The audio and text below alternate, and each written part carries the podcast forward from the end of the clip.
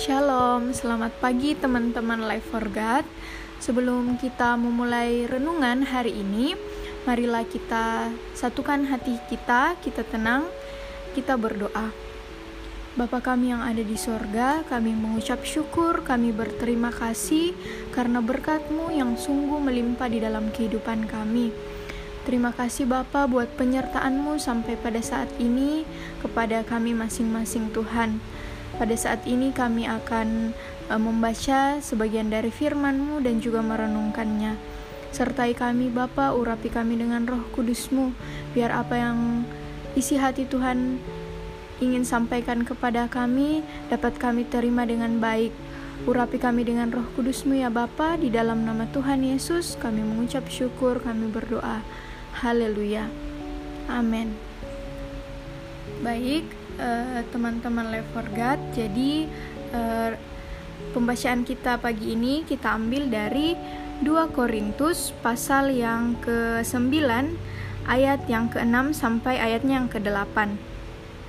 2 Korintus pasal 9 ayat yang ke-6 sampai ayatnya yang ke-8.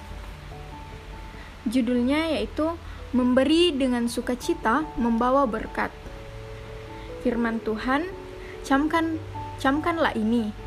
Orang yang menabur sedikit akan menuai sedikit juga, dan orang yang menabur banyak akan menuai banyak juga. Hendaklah masing-masing memberikan menurut kerelaan hatinya. Jangan sedih hati atau karena paksaan, sebab Allah mengasihi orang yang memberi dengan sukacita. Dan Allah sanggup melimpahkan segala kasih karunia kepada kamu supaya kamu senantiasa berkecukupan di dalam segala sesuatu dan dalam berkelebihan di dan malah berkelebihan di dalam pelbagai kebajikan. Baik, demikian firman Tuhan. Jadi teman-teman, eh, tema renungan kita hari ini memberi dengan sukacita. Nah, Baik teman-teman, uh, tidak terasa kita sudah sampai di bulan Desember. Nah, bulan Desember ini bagi kita orang-orang Kristen uh, sangat identik dengan uh, memberi hadiah di hari Natal. Nah, uh, bagi kita kita memberi kepada sesama kita dengan sukacita itu karena uh, bagaimana kita mengenang kasih Bapa kepada kita umat manusia dengan memberikan putranya Yesus Kristus yang lahir ke dunia. Nah, selain itu juga di bulan Desember hari Natal uh, kita identik juga dengan satu toko yang bernama Sinterklas. Pasti teman-teman semua tahu Sinterklas itu siapa. Nah, e, sebenarnya Sinterklas itu e, bernama Nicholas ya, yang lahir pada abad ketiga. Nah, dia itu tidak tahu bahwa berabad-abad setelah kematiannya ia dike, ia akan dikenal sebagai Sinterklas. Nah, Nicholas ini hanyalah orang biasa yang mengasihi Allah dan dengan tulus memperhatikan orang lain. Ia dikenal murah hati dan juga selalu memberi dengan sukacita. Ia juga banyak melakukan perbuatan baik.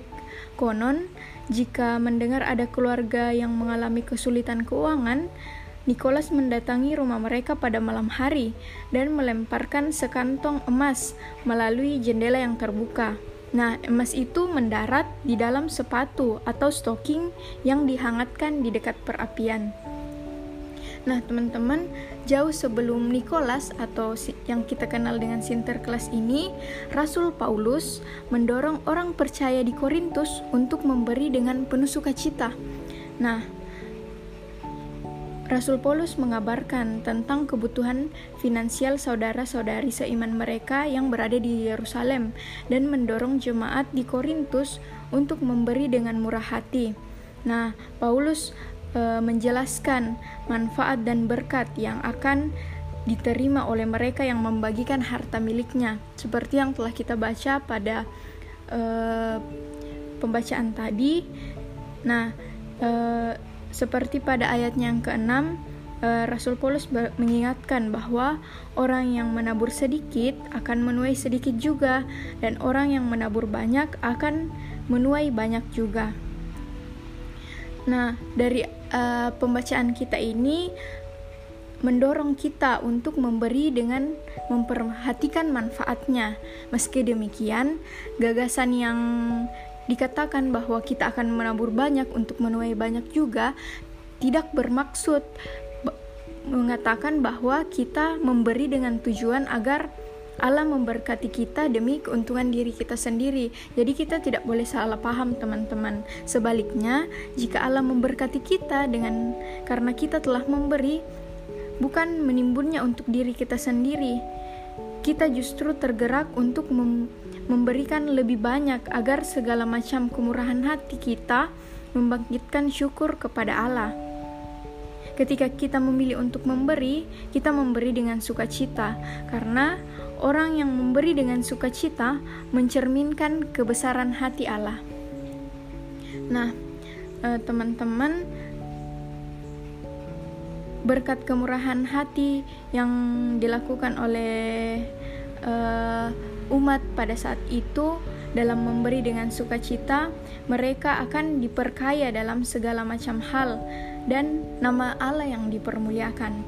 Itulah manfaat ketika kita memberi kepada sesama kita. Namun jangan kita berpikir di dalam kehidupan kita masing-masing bilang bahwa uh, saya tidak bisa memberi karena saya tidak punya apa-apa. Nah, teman-teman di sini memberi bukan hanya sekedar materi saja, melainkan kita bisa memberikan waktu kita ataupun sumber daya yang kita miliki kepada sesama kita.